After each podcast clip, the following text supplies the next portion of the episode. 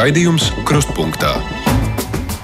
Turpiniet skanēt krustpunktā speciāla izlaidums vēlēšanu naktī, kad mēs gaidām kopā vēlēšanu rezultātus. Sākotnēji, protams, skatoties uz aptauju rezultātiem, atgādinu, katrās vēlēšanās tiek veidots aptaujas pie vēlēšanu iecirkņiem un pēc tam, protams, salīdzināt ar realitāti. Situācijas mēdz būt atšķirīgas, bet lielā mērā jau tendence tās parāda, un reizēm tās aptaujas ir ļoti precīzas, no reizēm mazliet mazāk precīzas, bet nu, lielā mērā mēs varam secināt par to, kāda ir situācija, un, protams, arī par to runājam. Šajā pašā stundā, kā vienmēr, turpinām gan diskutēt, gan sazvanīties, gan analizēt. Mums arī šajā stundā būs gan sociālo tīklu apskats, gan arī jūsu sazvanīšanas.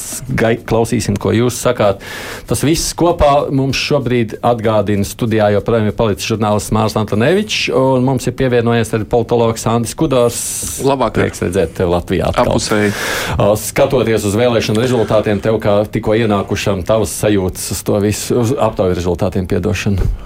Nu, jā, varbūt nebūs tik sadrumstalot, kā varēja likties, kā varēja pirms tam iz, tika izdarīt pieņēmumi. Ir, nav arī tā, ka būtu ļoti liela pārsteigumi.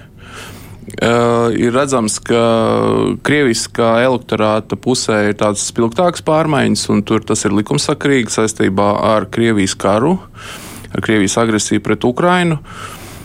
Uh, tā bija arī mana tāds pieņēmums, ka progresīviem būs salīdzinoši labi, jo bija tāds svaiguma vilnis. Protams, viņu, viņu ideoloģiskajā elektorāta daļā, ja, kas atbalsta to. Uh, tad man, protams, ir žēl man bijušo cīņu biedru no konservatīvajiem. Jā, jāatcerās, ka tu savulaik taču biji kopā ar konservatīviem. Biju gan, un, un tur es pieļauju, tas ir, man nav, protams, kaut kāda izpētes faktu, bet tīri mans pieņēmums ir tāds, ka viņu elektorāts daļa no viņa elektorāta ir pārgājusi pie, pie Latvijas pirmajā vietā, pie Šlesera, tā daļa, kuri Tas ir tas uh, kristīgi konservatīvais mm. burbulis, kurā es arī diezgan daudz laika pavadu pēdējā mm. laikā. Tur es esmu dzirdējis arī vienkārši no individu, individuāli. Bet, bet šķiet, konservatīvi bija lielākie cīnītāji pret oligarkiem, tā saucamajiem. Ja, nav, tas, konservatīvo elektorāts jau nav viendabīgs. Daļa pārgājies, pieņemu. Man nav faktu arī uz Jā. jauno vienotību. Ja, un, un pieņemu, ka uh, daļa pārgāja uz Nacionālo apvienību arī vēlētāji no. Ir, ir, un es domāju, tas ir daļēji saistīts. Tas jau nav, vienīgi, nav vienīgais faktors, bet viens no daudziem faktoriem ir, ir šis pats jautājums par dabisko ģimeni. Ja kons, jo konservatīvie nenostājās varbūt tādā ko daži sauc par radikālāku pozīciju, ja, par dabisko ģimeni tajā sadarbības tiesas lēmumā.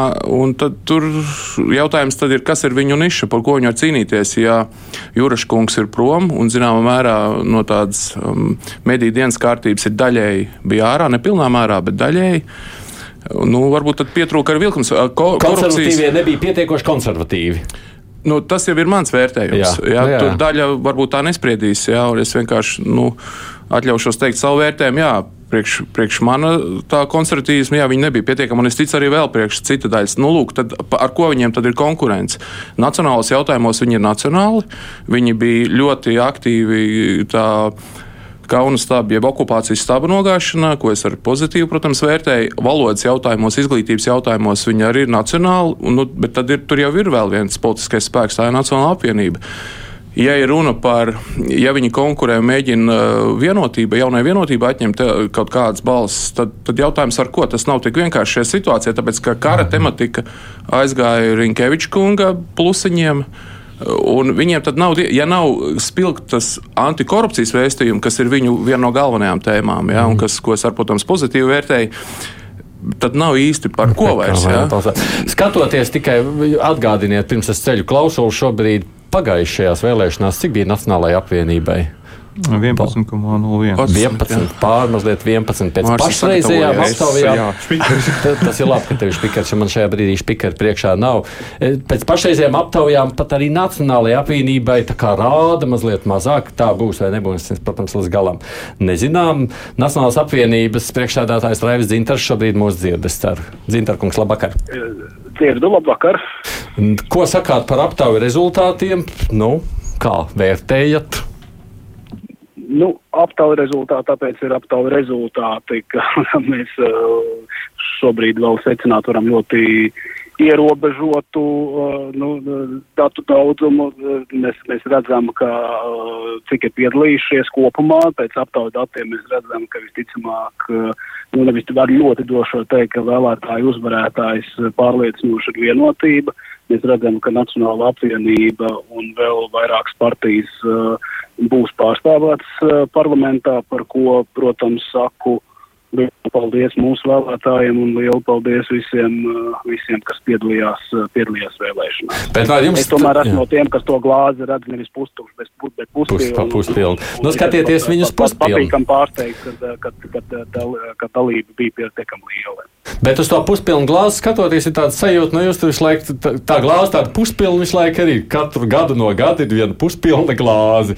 Jums neizdodas viņu nepilnāk dabūt, nedz izliet ārā. Tas nav tāds stagnējošs vērtējums. Nu, visam savs, visam savs laiks. Es domāju, ka daudzas partijas varētu, nu, cerams, bal, baltā un labā nozīmē, bet arī um, apskaust Nacionālu apvienību tomēr par, uh, par šo stabilitāti vēlētā uzticību daudz gar, garumā. Un, un, un es domāju, ka tā konsekvence vērtību, ideoloģijas ziņā un uzticībā saviem, saviem programmatiskiem uzstādījumiem ir tam viens no iemesliem. Uh, vai, mē, protams, mēs nezinām, kāds būs rezultāts. Nu, tie pašreizie aptaujas dati rāda, ka uh, ka varēja būt labāk, ja, varēja būt sliktāk. Nu, tad, tad, tas, mēs dzīvojam turbulenču laikā un daudz apstākļu, kas to visu ietekmē. Uh, nu, respektēsim vēlēšanu rezultātu un darīsim labāko, ko mēs varam ar šo pārstāvniecību izdarīt.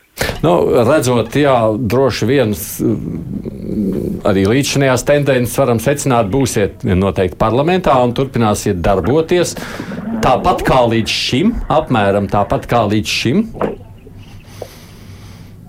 Es atvainojos, es nesapratu jautājumu. Es, jautājums, piedodiet, es domāju, vai jūs domājat, nu tā kā strādā tāpat kā līdz šim, reiz tās vērtības ir uz tām puspilnām glāzēm, nav ko vēl te riskēt, vai ne?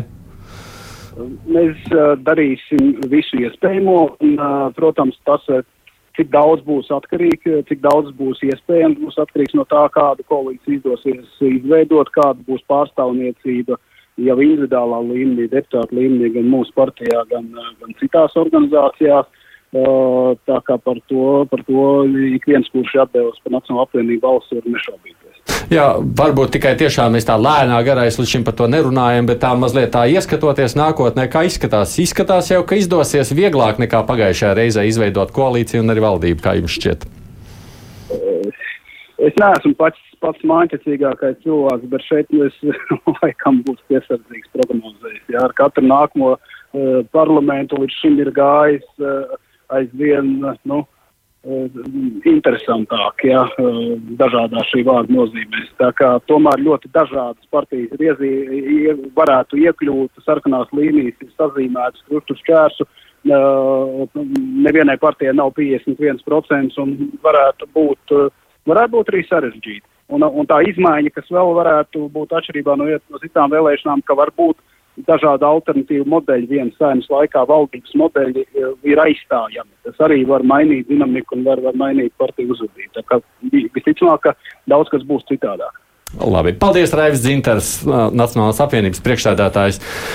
Māri, redzi, Nacionāla apvienība savukārt šķita, ka varētu pavilkt vairāk, tāpēc, ka, lūk, karš, patiešām nacionālais jautājums šķiet šajā laikā bija ļoti tāds akūts, un sociālos tīklos liekas vairāk pat nekā jebkad iepriekš.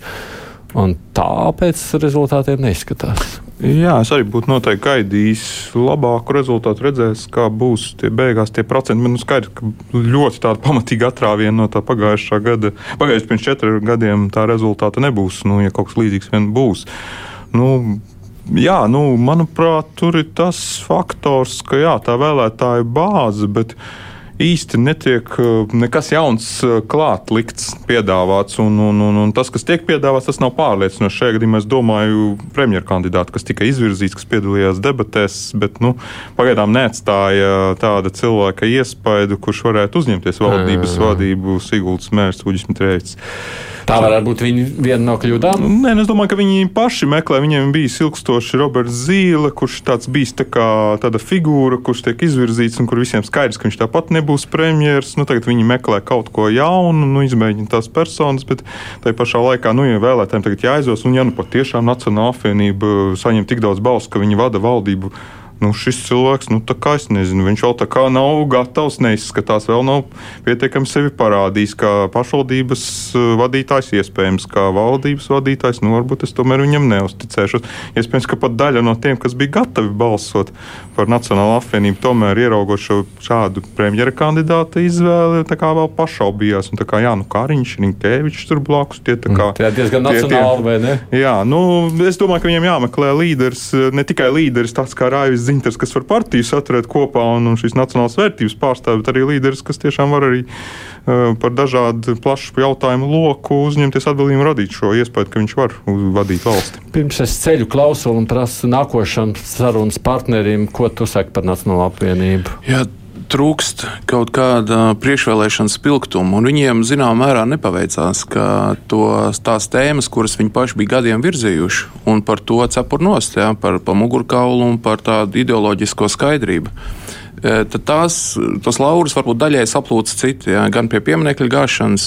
Viņi, protams, sociālajos tīklos centās teikt, mēs jau, mēs jau to mhm. virzījām, un viņiem ir taisnība. Viņi tiešām to virzīja, bet tajā brīdī tas, kurš tagad iedarbina zāģi vai nospiež pogu, ja tas ir cits, tad no sabiedriskā attiecību viedokļa nu, viņš ir kamerā priekšā, viņš ir pie mikrofona. Daļai tas, otrs arī. Es, te, es domāju, viņu vēlētājs ir tiešām tas kodola vēlētājs, kurš viņus atbalsta uh, vērtējot ilgtermiņā un skatoties uz ideoloģiju un uz jautājumiem. Tās nav personālijas. Jā. Es domāju, arī tas pats Raivs Dzintars, ja viņš startētu debatēs tagad tajās pēdējās, kas bija arī tas būtu spilgtāk. spilgtāk. Jā, tīri arī no personāla viedokļa. Personālijas arī ir svarīgs. Nu, par personāliem nevarētu sūdzēties attīstībai par. Bet attīstībai par personāla jautājums atšķiet pēc aptaujām, vērojot, neko līdzējis daudz nav. Juris Pūce mums šobrīd ir pie klausulas Pūces kungs. Labvakar! Labvakar. Tie aptaujas rezultāti jums rāda diezgan bēdīgu ainu. Pat saka, nevar saprast, būs vai nebūs 5% barjeru. Kāpēc tā?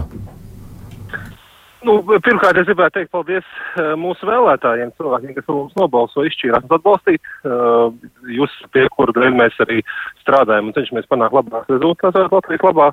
Un es uh, ļoti priecājos un par to esmu pārāk, ka Latvijā ir pietiekams cilvēku skaits, kas vēlas uzticēties attīstībai par uh, Cik liels tas konkrēti būs, nu redzēsim. Šodien jau tos rezultātus saskaitīs.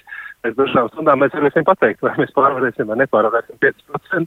Eh, tas vairs nebūs mīkla un par to nebūs jāmin. Mēs precīzi to zināsim. Bet kāpēc? Gudīgi sakot, drīzāk domāju, ka mēs pārvarēsim. Nu jā, lai pārvarēšana vai nav, tas varbūt tas otrs jautājums, bet kāpēc vispār pie 5% jūs taču pēc pagājušā vēlēšanām rulējāt šķiet baigi labi? Nu, tas ir relatīvs jautājums. Pagājušās vēlēšanas guvām 12%. Ļoti sadalītā saimā. Un eh, pēc tam mēs esam startējuši vairākās vēlēšanās, un uh, līdzīgus rezultātus mēs nacionālā mērogā esam atkārtojuši. Um, tas lielā mērā, bet, protams, ir cilvēku gaidām. Mums ienākot politikā, tas kā vienmēr jauniem politiskiem spēkiem izveidojas ļoti dažādas. Viena daļa cilvēku vienkārši vēlējās uh, mainīt esošo varu. Uh, bet tā, tā koalīcijas situācija, kāda izveidojās 18. un 19. gada bijā, bija tāda, ka mums patiesībā bija jāveido valdība kopā ar esošo varu kas varbūt arī mums pašai kā organizācijai nemaz nebija tik uh, traumējoši, bet vienai daļai vēlētāji visticamāk bija, to mēs ļoti arī izjutām socioloģiskās aptaujās, ka faktiski mēs 19. gada sākumā vienu daļu atbalstu zaudējām. Un pēc tam vienu daļu atbalstu kādu guvām līdz ar sekmīgi realizētām reformām, administratīvu teritoriālu reformu, diezgan nopietnu atbalstu mums deva, piemēram, Rīgas domas atlaišana, kur iedzīvotāji atbalstu. Un tad atkal mēs atdūrāmies pret eh, nopietnu atbildību, bet ļoti sarežģītu un sabiedrībā neviennozīmīgi vērtētu jautājumu pieņemšanu, eh, īpaši saistībā ar Covid pandēmiju un ierobežojumu. Tā tas nu sanāca šajā valdībā, ka atbildība par šiem jautājumiem bija mums jāuzņemās. Modelis arī kā valdība funkcionē bija tāds, kur atbildība bija jāņem primāri ministram, kopatbildība netika pārāk plaši praktizēta. Nu, tas ir tāds cena, eh, ka viena daļa vēlētāju sajūta, ka šie nepopulārie lēmumi, bieži vien arī ļoti ātri pieņemtie lēmumi, ar, ar nepieciešamību viņus ātri pieņemt, bet varbūt ar sajūtu sabiedrībā, ka viņi ir nepietiekami izdiskutēti vai izanalizēti. Nu, tā bija mūsu atbildība. Tas mums deva citiem reitingiem. Es jums varu teikt, arī es esmu pavadījis pēdējos trīs mēnešus faktiski katru dienu Latgalē tiekoties ar vēlētājiem. Tas faktiski ir vienīgais jautājums, ko mūsu organizācijai kāds pārmet. Um, tieši uh, kā mēs tikām galā ar Covid uh, krīzi. Un, uh, nu, uh, es domāju, ka mēs par to esam maksājuši. Kaut es personiski uzskatu, ka tas, ko darīja veselības ministrs, uh, ko darīja visi mūsu komanda valdībā, bija ļoti atbilstoši tiem apstākļiem un laikam un tiem um, nu, potenciāliem lēmumiem, kurus mēs varējām pieņemt. Bet tāds ir rezultāts. No otras puses, uh, ir pietiekams skaits vēlētāji, kas uh, mums turpina uzticēties uh, un uzskata, ka mēs esam viņu labākie pārstāvji es viņiem varu vēl vēlreiz tikai teikt paldies. Mhm. Paldies, Juris Pūce, kur mēs sazvanījām tātad no attīstībai par Covid. Bija viņu lielais klupšanas akmens. Es domāju, Eh, ja mēs skatāmies tādu elektorātu noskaņojumu, paši vēlētāji atšķirsies gan ar to viņa atbalstu liberāļos, vai konservatīvos, vai zaļos un vēl citus. Bet ir vēl cita atšķirība, manuprāt, ir tāda arī ir lielāka ciniķa un ir mazāk ciniķa. Un to var saukt pozitīvākā vārdu izvēlē, varētu lietot vārdu pragmatiķi tad es domāju, mans pieņēmums ir tāds, ka daļa elektorāta šoreiz no attīstībā pār aizgāja uz progresīvajiem, kuros vēlētājs redz kaut kādu lielāku ideālismu. Un tad tas ciniķu.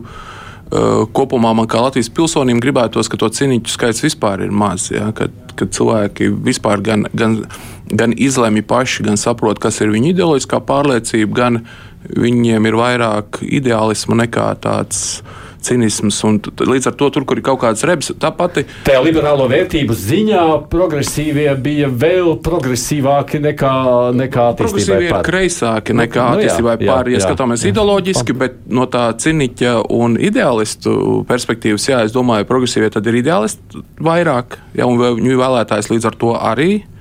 Un, un attīstībā pāri, es domāju, nākt šī ēna par tādām, tos, tas, ko sauc tautā par rebēm. Te jau jā, un... redzēt, bet te jau var redzēt, kā lietas jau tika darītas jau četru gadu garumā apmēram. Nā, tā, no, nu, tur, tur kritizēt, tur viens paņem sarakstu un sāk kritizēt, un, un lai nestāsta, ka tā kritika nav pamatota. Ka, ka, ka, COVID, jā, ka Covid laikā viņi, ka viņiem viss bija ministri darbojās ideāli un tikai, nu, redz, tikai neprata novērtēt. Un tur bija viena klupiens pēc otra, un ne jau vēl tie ministri tika atlaisti. Nu, nu, tur bija pamats, un, un, un tagad ir tiesu darbi arī, nu, kā tur beigsies, redzēs. Bet nu, tas, ka ministrs netiek galā īsti ar saviem pienākumiem un izdara kļūdas, un ir pauļuts arī turpināja klupt. Un tāpat par visām citām lietām, arī par, kad iekšlietu ministri nokļuva viņu pāraudzībā, arī tur sākās problēmas 9. un 10. maijā. Nu, tur vispār bija arī attiecīgi ministri dabūja demisionēt. Un uz ko beigās uzliek eh, galveno kārtu pirms vēlēšana attīstībai par uz premjeru fabriku, ko viņi saka, tas būs nākamais premjerministrs, kurš nemaz nav tāds liberāls, tāds, tāds tipisks viņu, kurš savukārt par savu galveno uzdevumu uzskata valsts aizsardzības, nu, tādas uh, aizsardzības dienas, tāda tipiski konservatīva pozīcija, kur viņš varētu kādus konservatīvos piesaist, piesaistīt partijai, nevis liberāļus. Es domāju, ka jā, viņi ir zaudējuši tieši šajā liberālajā flangā. Un nu, atkal, patiecīgi, nav piesaistījuši, protams, nekādus konservatīvus, jo nu, tie nebalsos par to. Jā, arī Pūcis jau pats par sevi jau no, nonāca šīs kritikas krustugunīs, zaudēja ministra amatu un tā šķiet nespēja īsti atkopties vai ne no tā. Nu jā, tas Pūcis gadījums ir vieš man e, optimismu ne, negluži par pašu Pūci, bet par to elektorātu, kuram ir svarīgi, tad kāds ir godīgs ar, ar to caurlaidu mašīnas vai nē. Un arī turpināt, ko Mārs teica, es domāju, jā, jā, Golbevas kundzei robežas jautājums arī bija, nu, bija Pareiz tāds klupiens. Tas, Jo šajā situācijā, kad cilvēki kļūst nervozi, ja, kad ārpusē ir gan hibrīda karš no Baltkrievijas puses, gan īstais karš Ukrainā, nu, tur jābūt tādam, tur jābūt ekšanai. Par zaudēja vairākus ministrus šajā laikā, neveiksmīgas ministrēšanas dēļ, nu kaut kā tā faktiski. Jā, turklāt valdības vadītājs pieprasīja demisiju. Un, un, nevis, tas, tas tomēr ir rādītājs. Viņš tam tik bieži negribēja iesaistīties šādos mm. jautājumu risināšanā. Nu, jā, un tas, kas ir saistīts ar ģeopolitiku kara laikā, nu, tur uh, ir jājūt, kas ir vienkārši, ja runā par pragmatisku nostāju no politiķa, nu, jājūt, kur, ko sabiedrība gaida. Jā. Nu, sabiedrība gaidīja ātru žogu, vienkārši runājot. Mm. Jā, ātru, izlēmīgu rīcību. Protams, ir iepirkuma un tā visa dimensija, bet nu, nebija redzama tāda pārliecinātība no Golbevas kundzes. Mēs, es domāju, tā ir pietiekoši svarīga ziņa, ko man producenti norāda, ka CVK vadītāji saka, ka Čepstās saimnes vēlēšanās nobalsojuši ap 59% balstiesīgo. Tas tomēr ir labs skaitlis, salīdzinoši vairāk nekā vai ne mēs tāpat, kā cerējām. Tas ir, tas ir vienmēr patīkami, jo tad mēs eh, leģitimitāte pieaug eh, tātad likumdevēja varai, un tas ir veselīgi no demokrātijas. Ja mēs vērtējam demokrātiju, ir veselīgi, ka daudzi piedalās. Pēc tam ir grūtāk teikt, ka tā vara nav leģitīma. Jā, tas ir labi. Ja, tas nav nekāds varbūt tāds liels skaitlis, bet tas tāds nu, jā. normāls vid, nu, vid, nu, vidēji demokrātisks Eiropas valsts līmenis, uz ko mēs tiecamies nu, pāri 50, nu labi, kā 10% Pagaiš, vairāk. Pagājušajās vēlēšanās tā bija liela vilšanās. Ir vēl kāda partija, pareizāk sakot, šoreiz atkal jāsaka apvienība, kura neapšaubām šajās vēlēšanās ir parādījusi labu rezultātu. Un tā ir ZZS, jeb Zaļo zemnieku savienība, Viktors Valains mums šobrīd dzird. Halo! Labvakar! Labvakar, Valēņkungs! Kas tad jūsuprāt ir jūsu veiksmes pamatā? Es domāju, mūsu veiksmes pamatā ir vēlētāju atbalsts, un tur es gribētu teikt vislielāko paldies visiem tiem vēlētājiem, kas um, šodien nepalika mājās un nāca, nāca uz vēlēšanām, balsoja ne tikai pa mūsu partiju, bet vispār, kas piedalījās vēlēšanās. Īpaši tiem, kas stāvēja Lietuvu pie vēlēšana iecirkņiem, ko šodien daudz viet uh, novēroja. Un, uh, un tomēr nestoties šiem arī dabas laikapstākļu izaicinājumiem un dažādām, dažādiem tādiem nelieliem tehniskiem sarežģījumiem procesā, tomēr izstāvēja šīs rindas un uh, negriezās prom un piedalījās.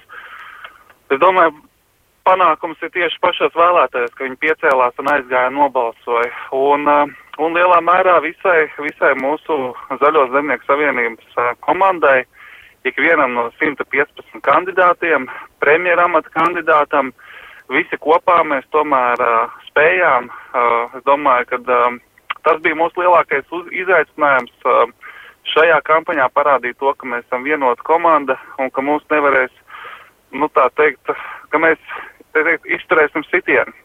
Daudz sacīs, jā, jā. Daudz šajā pirmsvēlēšanā. Panākā, mm -hmm. panācām, jā. Daudz šajā pirmsvēlēšana laikā sacīja, nu, ka tas jūsu zīmols, kas joprojām paņem, ir Aivars Lembergs. Piekrītat? Nu, es, kā es saku, nav jau tikai viens Aivars Lembergs. Es jau minēju, ir gan mums bija stiprs premjera amata kandidāts, kuram bija ļoti, ļoti pēc socioloģija aptaujām viņš bija populārākais premjera amata kandidāts no tiem, kas startēja šajās vēlēšanās. Un um, tas nevar būt tikai viens premjera amata kandidāts, tam noteikti jābūt arī komandai, kas, uh, kas ir uh, nu, šie, šie apgabala līderi, uh, komandas, kas ir katrā apgabalā.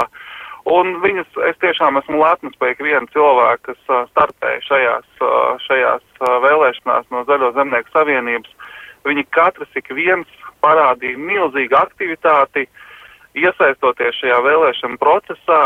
Mums bija tikšanās sākot ar diviem, trim cilvēkiem kādā kārtņu telpā, beidzot ar pilnām zālēm, kultūras namiem, un, un, un es redzēju šo vēlētāju atbalstu, mums izdevās viņus uzrunāt, un tas, es domāju, jāsagaida vēl šie oficiālie vēlēšana rezultāti, bet, nu, man milzīgs prieks par šiem, par, par šiem cilvēkiem, ka viņi mūs atbalstīja. Uh, Es tagad domāju, vai uzdot jums nākošo jautājumu, vai varbūt tomēr vēl kādā brīdī ar jums šovakar mēs varētu vēl sazvanīties. Pagaidām, paldies, es saku Viktor. Viktors Valains, kas ir no ZZ. Jā, no ZZS. Vienkārši skatoties arī uz pulksteni un redzot, ka mums pusotra minūtes ziņas un Mārs Antonevičs dosies prom, tev vēl parunāsim.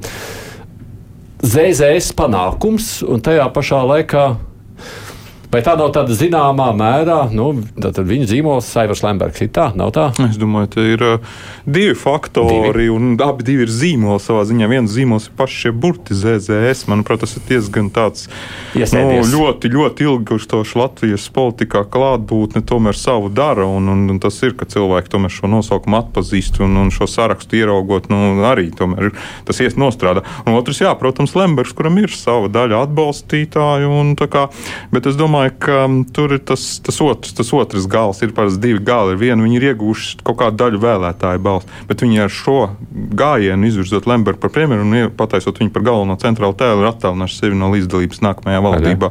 Tā, kā, tā nu, varētu tāda pieredze uzvara sanākt. Nu, tā ir tāda parakstīšanās uz vēl četriem gadiem opozīcijā, opozīcijā jo, jo nu, nu, Aivars Lembergs ir toksiska persona Latvijas politikā. Protams, tagad var ātri mēģināt viņu atmest un teikt, nu, viņš jau mums tikai uz vēlēšanām bija viena, bet nu, es ne, ne, nedomāju, ka to tā izdosies. Mārs Antonevičs, Latvijas avīzes žurnālists, mēs šeit pārējie paliekam kopā ar Antu Kudoru studijā. Paldies, ka atnācāt. Mums tātad ir priekšā īsas pāris minūšu ziņas, pēdējiem jaunumiem, kādi ir, un pēc atgriežamies pēc tam atkal studijā.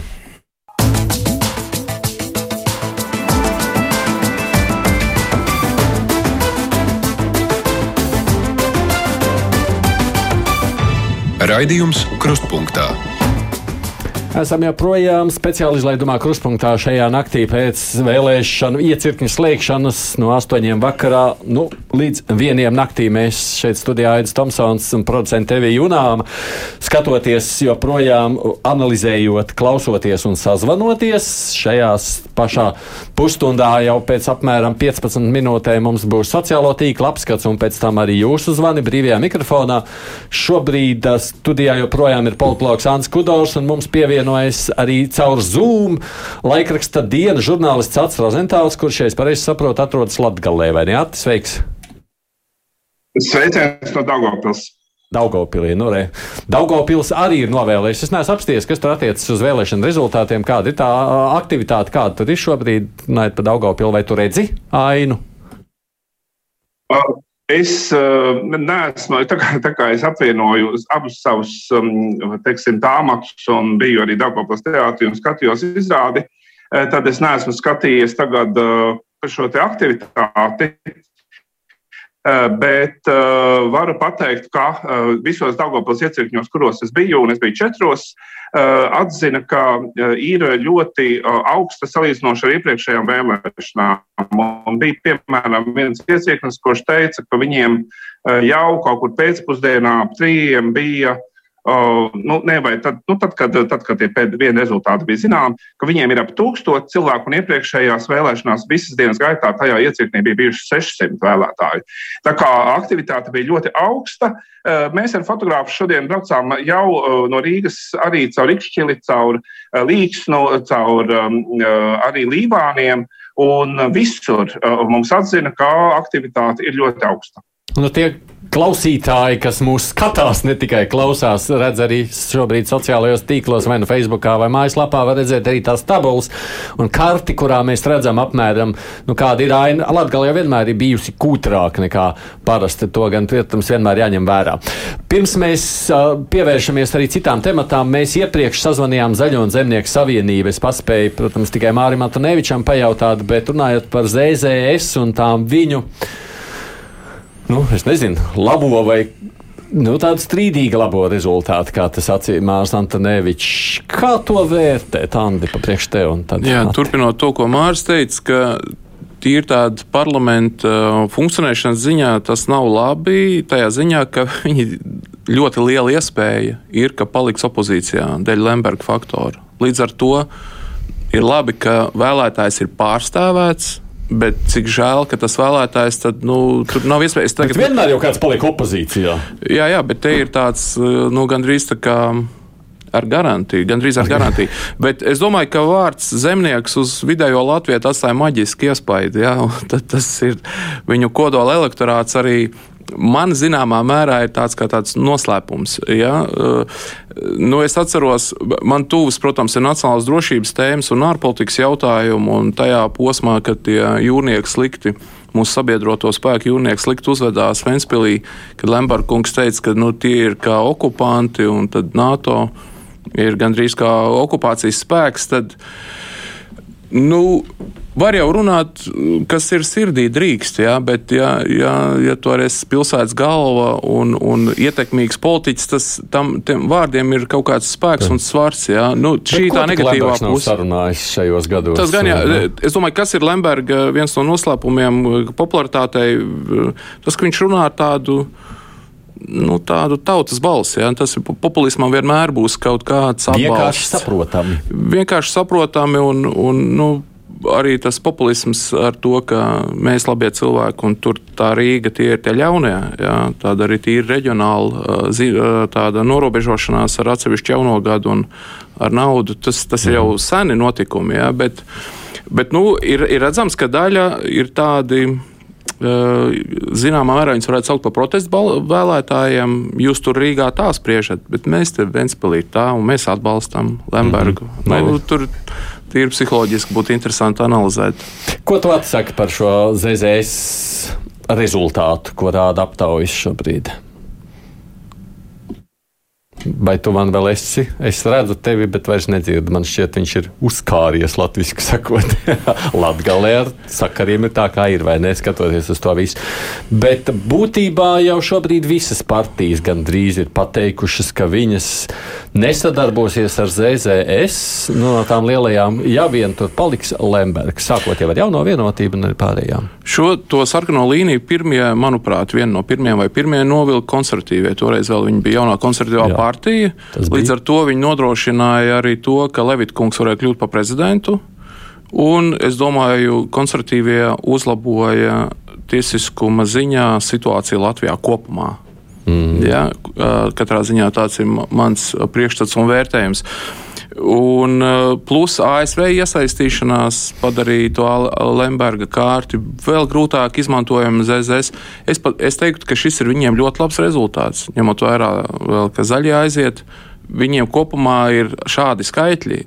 Nu, es drīzāk viņus vērtēju kā, kā pārsteidzoši labus. Ne, bet pats par sevi ir interesanti, ka divas sadalītas partijas un faktiski apvienības jau nu, tātad liepājai un zaļie aizgāja uz vienu pusi, zemnieki palika uz otru un beigās dubultāji dabūjuši. Ir interesanti vispār reģionālā vēlētāja kaut kā uzvedība. Tā ir mhm. izpētes vērta. Jā, jo, Cik es pats pa kurzem arī dzīvoju, Skrundi ir, man, ir tā pilsēta, kuras skolu pabeidzu, un tur, kad es varu komunicēt cilvēkiem, tur tā reģionāli, teiksim, no Rīgas, lai saprastu reģionus, ir bieži jābrauc uz reģioniem un jārunā ar vietējiem cilvēkiem. Jā. Un tur Rīgā var spriest vienā veidā, un, un reģionos var, dēļ tā Rīgā var likties pārsteidzoši rezultāti, kas iespējams tiem cilvēkiem, kas dzīvo kurzemē, viņiem nekas, nekāda pārsteiguma nav. Viņi saka, tā arī bija jābūt. Acis Rozentāls ir atdzīvojies atkal manā eh, ekrānā. Ko, ko tu saki par ZZS un to rezultātu? Es varu pateikt tikai to, ka divos no iecirkņiem Daugopilī man stāstīja stāstu, ka vēlētāji Daugopilī nāca un prasīja, kurā sarakstā ir Lembergs. Tas nozīmē, Tā, ka viņš ir spējis arī Daugopilī uzrunāt, jā? Tā tad acīm redzot, Lemberga kā premjera kandidāta harizma ir pietiekama, lai uzrunātu cilvēkus arī Daugopilī. Uh, Man gan, godīgi sakot, nav īsti skaidrs, kā vēlēšana komisijai šādā gadījumā jāatbild. Jo vai viņi var atbildēt, ka uh, Lembergs ir saistīts ar vienu sarakstu vai nē, jo viņš jau nav nevienā sarakstā. Un, ja jautājums ir, kurš, uh, kurā sarakstā ir Lembergs, tad būtībā atbilde ir nevienā. Bet, uh, bet jā, es domāju, ka, ka Lembergs ar saviem tādiem nu, varbūt brīžiem anti-NATO narratīviem, kā reiz vienai daļai Daugopils vēlētāji, varbūt arī ne tikai uh, valsts nācijas pārstāvjiem, varētu būt uh, pievilcīgāks nekā varētu šķist.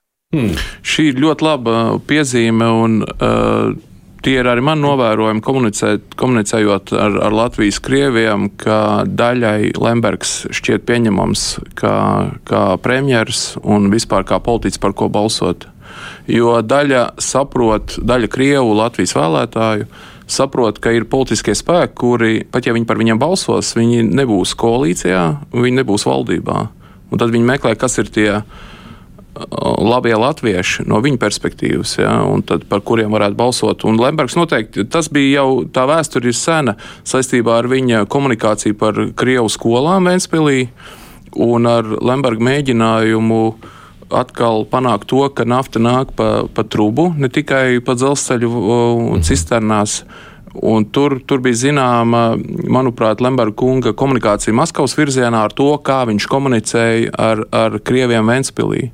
Un tas ir sadzirdēts, un, un daļa vēlētāju šī bija tāpēc svarīga piezīme. Daļa, es domāju, daļa no daļa no ZZS vēlētājiem. Tas ir, protams, pieņēmums, turbūt vērt, mm -hmm. vērtīgi to izpētīt, ir, ir Latvijā dzīvojušie Krievi. Nu, dro, nu, protams, būs ļoti interesanti skatīties, tad, kad būs rezultāti nāks iekšā no vēlēšanu iecirkņiem, konkrētām pilsētām un apgabaliem, jo tur jau mēs redzēsim, kurš par ko ir balsojis. Bet Latgale jau faktiski vienmēr ir bijusi tāda nu, saskaņas balsts. Varbūt ne tik ļoti traki vienmēr Daugopilī, bet arī tur, kā zināms, ir saskaņas mērs. Un saskaņas šis te graujoši pagaidām aptaujās rezultāts, nu, droši vien, ka nebūs tik traki tad, kad mēs redzēsim lielos, bet, nu, jebkurā gadījumā kritiens pamatīgs. Tas nozīmē, ka latgaliešiem ir bijis lielāks grūtības izvēlēties, vai ne? Es domāju, ka uh, kas attiecas uz šiem um, aptauju datiem, tad uh, tieši attiecībā Latgalē uh, šie aptauju dati varētu būt vēl pašlaik diezgan aptuveni un uh, arī neprecīzi, jo cik es mēģināju uzrunāt cilvēkus pie vēlēšanu iecirkņiem, un es pat solīju viņiem neprasīt, par ko viņi ir balsojuši, bet vienkārši par motivāciju un tam līdzīgām lietām, ļoti, ļoti reti kurš piekrita runāt. Tā kā Mm, es domāju, ka mūs var būt, ka gaida vēl uh, šādi tādi pārsteigumi tieši tajā zonā, kas ir 5% plus mīnus, uh, jo, jo es pieļauju, ka ne tikai Latgalē, bet arī citviet ir atsevišķi politiskie spēki, Tiesa gan diez vai saskaņa, drīzāk jau tas radikālākais gals varētu būt, kuru atbalstītāji ne, nevēlas pateikt, par ko viņi ir balsojuši arī tad, kad viņi jau šādu izvēli ir izdarījuši. Man, piemēram, bija saruna ar vienu puisi, kurš teica, man bija pilnīgi skaidrs, par ko balsot, bet viņš, protams, neatklāja par ko. Bet viņam bija tāda nu, absolūti skaidra nostāja, viņš nebija uh, sēdējis un domājis par ko. Taču vairākos citos iecirkņos, ne tikai Daugopelī, bet arī, piemēram, Līvānos, Eh, atzina, ka, eh, un patiesībā arī Ikšķilē, kurā mēs bijām, kas nav eh, atzina, ka šogad vēlētāji daudz ilgāk sēž tajā brīdī, kad aizpild šo vēlēšanu zīmi, daudz ilgāk izvēlas un daudz ilgāk domā. Un tas, manuprāt, arī ir tāds interesants novērojums, ko teica tiešām daudzos iecirkņos, ka šāda parādība ir, ka nav cilvēki ļoti gatavi uzreiz pateikt simtprocentīgi, es balsošu par to un to. Viņi sēž un domā un tikai tad izdarīja izvēli. Un droši vien, ka tomēr krieviem varbūt šī bija grūtāka izvēle nekā latviešiem, vai ne? Tavuprāt?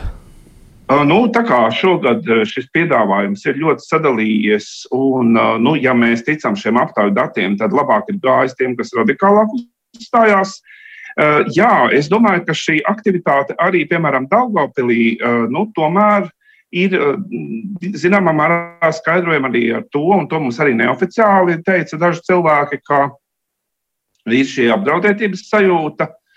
Tomēr ir šīs visas akcijas par pieminiektu novākšanu un, un, un, un val, val, valsts valodas uh, plašāku ieviešanu, kas Daugopilī noteikti sevišķi izglītības iestādēs reāli būs ārkārtīgi liela problēma, jo nekas uh, gadu gadiem uh, nu, tā visi ir dzīvojuši diezgan komfortabli, un, un tie, kas nemācījās, arī varēja atļauties nemācīties un izlikties, ka māca bilingvāli.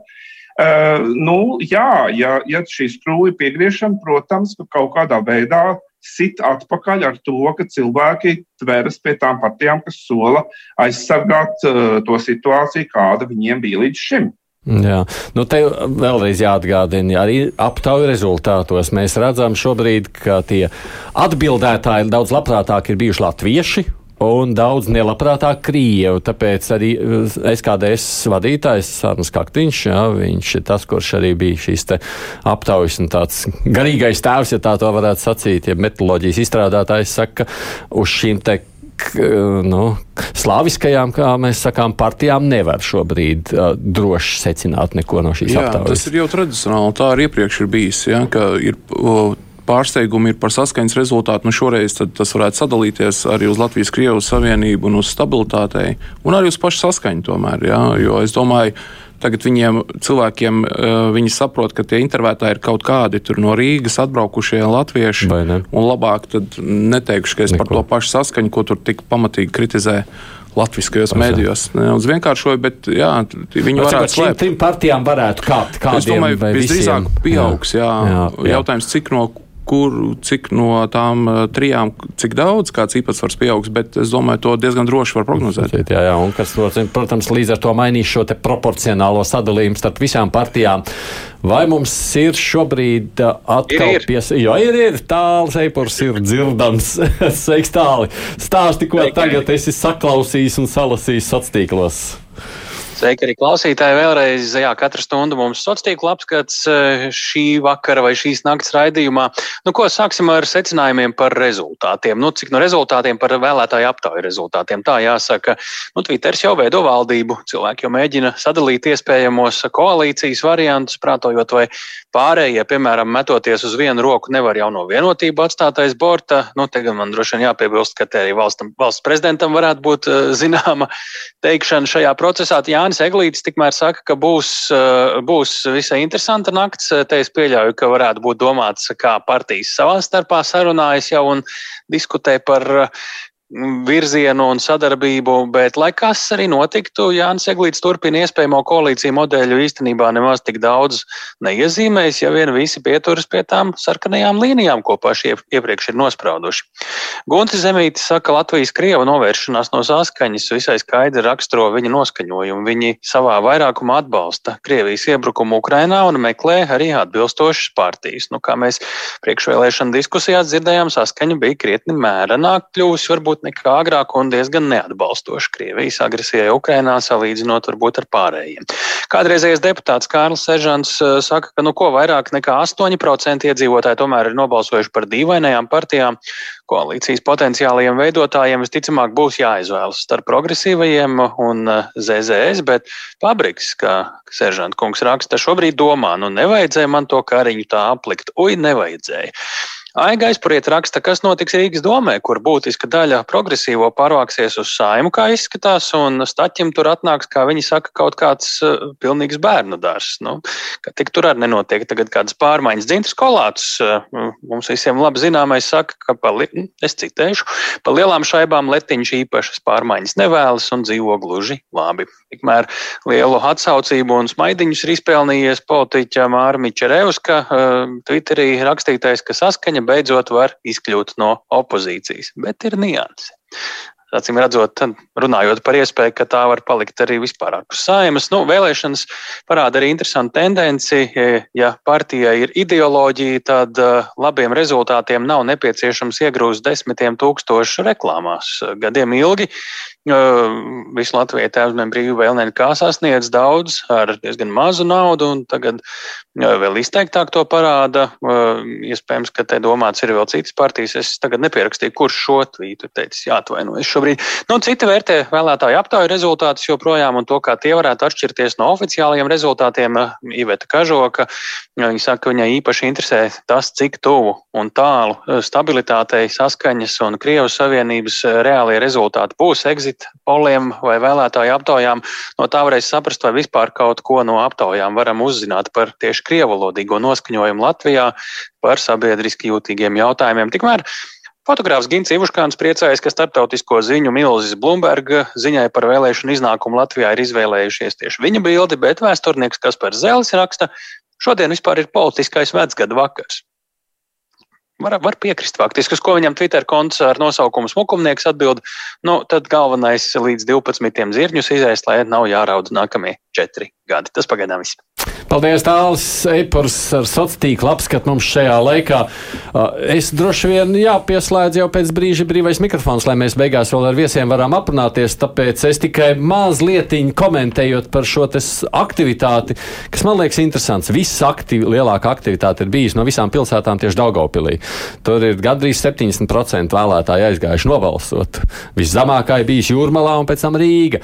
Nu, kas liek, protams, arī jautāt, un es domāju, noteikti nākamajās dienās analizēt, kāpēc tas tā ir bijis, jo šie fakti, jeb skaitļi paši par sevi ir ļoti interesanti. Bet tagad, klausītāji, ko tad jūs sakāt? Mums ir brīvais mikrofons. Es tā kā negribēju piekrist tam vienam, kas teica, ka porziņš, porziņš, porziņš, porziņš, porziņš, porziņš. Kā vienmēr, telefona numurs mums ir 6722, 888, otrs numurs 672, 559, rakstiet, sūtiet ziņas caur mājaslapu. Jūsu sajūtas, skatoties un klausoties līdz šim redzēto un dzirdēto. Hallo! Sveicināti! Sveicināti. Katrs jau par savu apgabalu vai rajonu zina labāk kā pārējos, vai ne pa pārējo Latviju. Nu, tā gribētos domāt, vai ne? Mhm. Jā, es jau otro nedēļu ļoti lielu interesi sestdienās, tas ir piekdienās braucu savu, uz savu kurzemes galu, jā, un tad parunājos ar tiem cilvēkiem, kas, nu, kas, nu, parasti cilvēki brauc no kurzemes andelēties uz tiem kauguriem. Tā ir tāda vietiņa, kur es cenšos apbraukt, jā.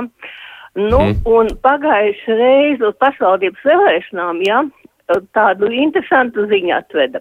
Ja, ka, nu, vi, vi, visas Krievu, nu, es nesaukšu to vārdu, ko viņi lieto, visas Krievu tādas tirgus sievas ļoti, ļoti sakot, ka, nu, par saskaņu, ja nesanāks, tad vajag balsot par Ziļonova Lemberga. Viņi sauc par Ziļonai mm. Lemberga, jā. Ja. Nu, un tagad es arī šodien nofinišēju sakarā ar vēlēšanām, es tikai šodien nofinišēju tur. Nu, un tas pats, tā kā nekādi brīnumi par to nav. Tā tad saskaņa kaut kur jūta, kad viņi ir vājāk vai kā, nu viņi visi, nu, nu tas taču nav, kā saka, no zila gaisa nokrits, nu kad viņi, bet tas labākais numurs, ko es no pat no jums klausījos, ka viņi pat Daugaupilī meklē. Bet Jurmalā esot arī visi paskastīts bijuši Lemberga bildi pie, Mm, Labi, paldies jums par savu novērojumu. Tas bija bezgalīgi interesanti. Kristam savukārt paldies par piezīmi. Šādu viņš raksta. Rīgā kopumā ir lielāka aktivitāte. Viņš saka 67%, bet 50% tāpēc, ka tur ir klāt ārzemes un 29% vēlētāju Rīgas apgabalā ir ārzemēs. Nu, šis ir jāņem vērā. Neapšaubām tas ir svarīgs aspekts. Paldies, Kristi, par skaidrojumu. Halo! Labvakar! Labvakar. Uh, nu, es no jūrmalas zvanu. Aha, nu. nu. Es jau nobe, nobalsoju aizvakar. Uh -huh. uh, bet es jau balsoju vienmēr pa vienu un to pašu partiju, tie ir tēvzemieši, jo es esmu piedzīvojis otro pasaules karu un man ir bailes. Un tad citais tos krievu cilvēkus gan Rīgā, gan Jūrmalā pazīst, jo man darbs tāds bija. Es 40 gadus par ārstu nostrādāju. Uh mhm. Un tāpēc es zinu, pat kur Ušakovs dzīvoja agrāk. Zentens ielā 4. Pagaid, pagaid, pagaid. Nevajag šito gan vairs ne. ja nu vienīgi agrāk, es nezinu, vai tas kaut ko dot.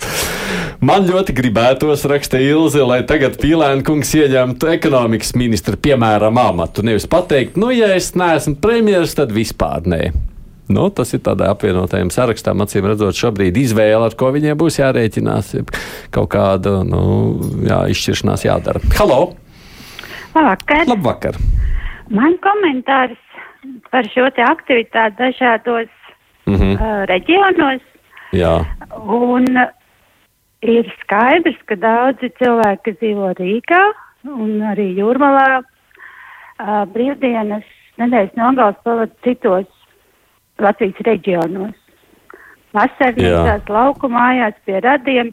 Mm -hmm. Un vēlēšanas visdrīzāk nav bijis iemesls mainīt šo paradumu, un šie cilvēki, arī mūsu ģimene, nobalso nu, tātad savos Savā reģionā, kur ir laukums. Nu, vienīgais tas nozīmē, ka visi aizbrauc uz Daugaupili šajā.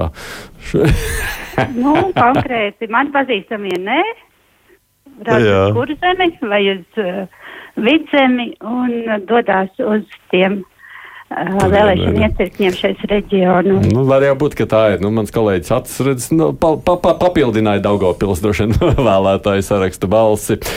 Uh, tā, mēs, piemēram, arī apvienojam ekskursiju ar balsojumu. Tā raksta mums Zeltiņas kundze no Latgals uz Vidzemi.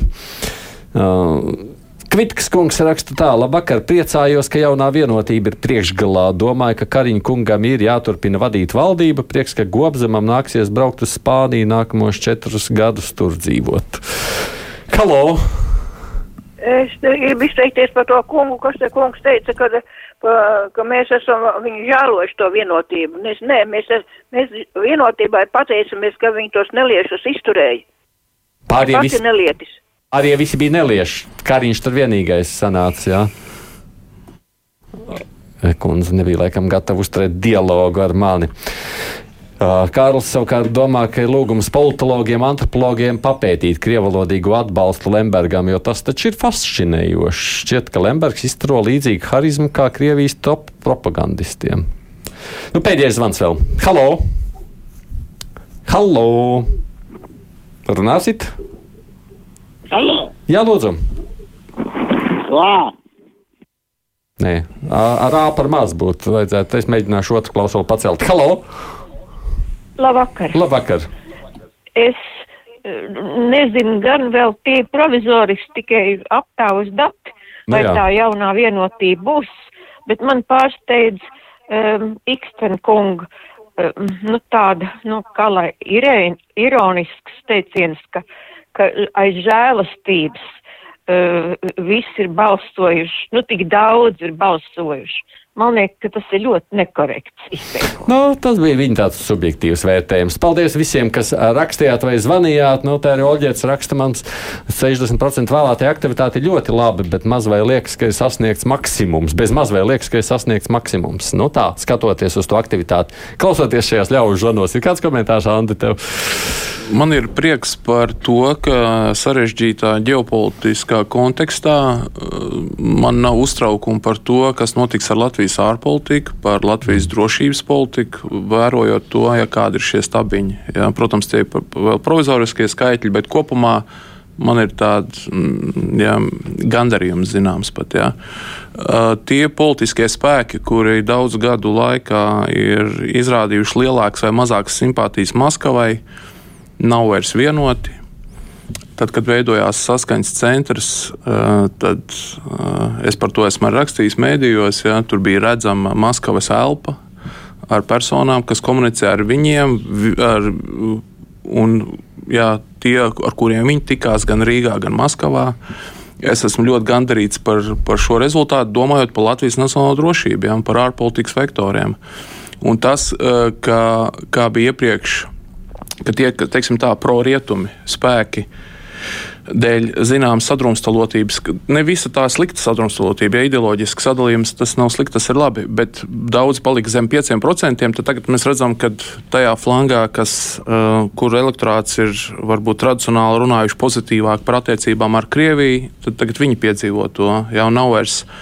Uh, Nu, saskaņai tas- bija ērti būt par numuru viens, un, un teiksim, rietumu presē dažkārt nezinot to īsto situāciju šeit un neiedzinoties koalīcijas veidošanas procesā, viņi teica, ka vēlēšana uzvarētāji ir saskaņa. Ja? Un tad tas tiem, kas nesap, nezin, eh, detalizētāk nezināja Latvijas politisko procesu, tad tas bija tā, cik interesanti. Promaskaviska partija tad ir uzvarējusi Latvijā vēlēšanās. Ja? Nu, teiksim, ja nezinu kontekstu, tad tagad tas ir pagājis, un man ir zināms gandarījums uh, ilgi pētot Krievijas ietekmi šeit, dažādos veidos, tā skaitā komunicējot selektīvi ar politiskiem spēkiem.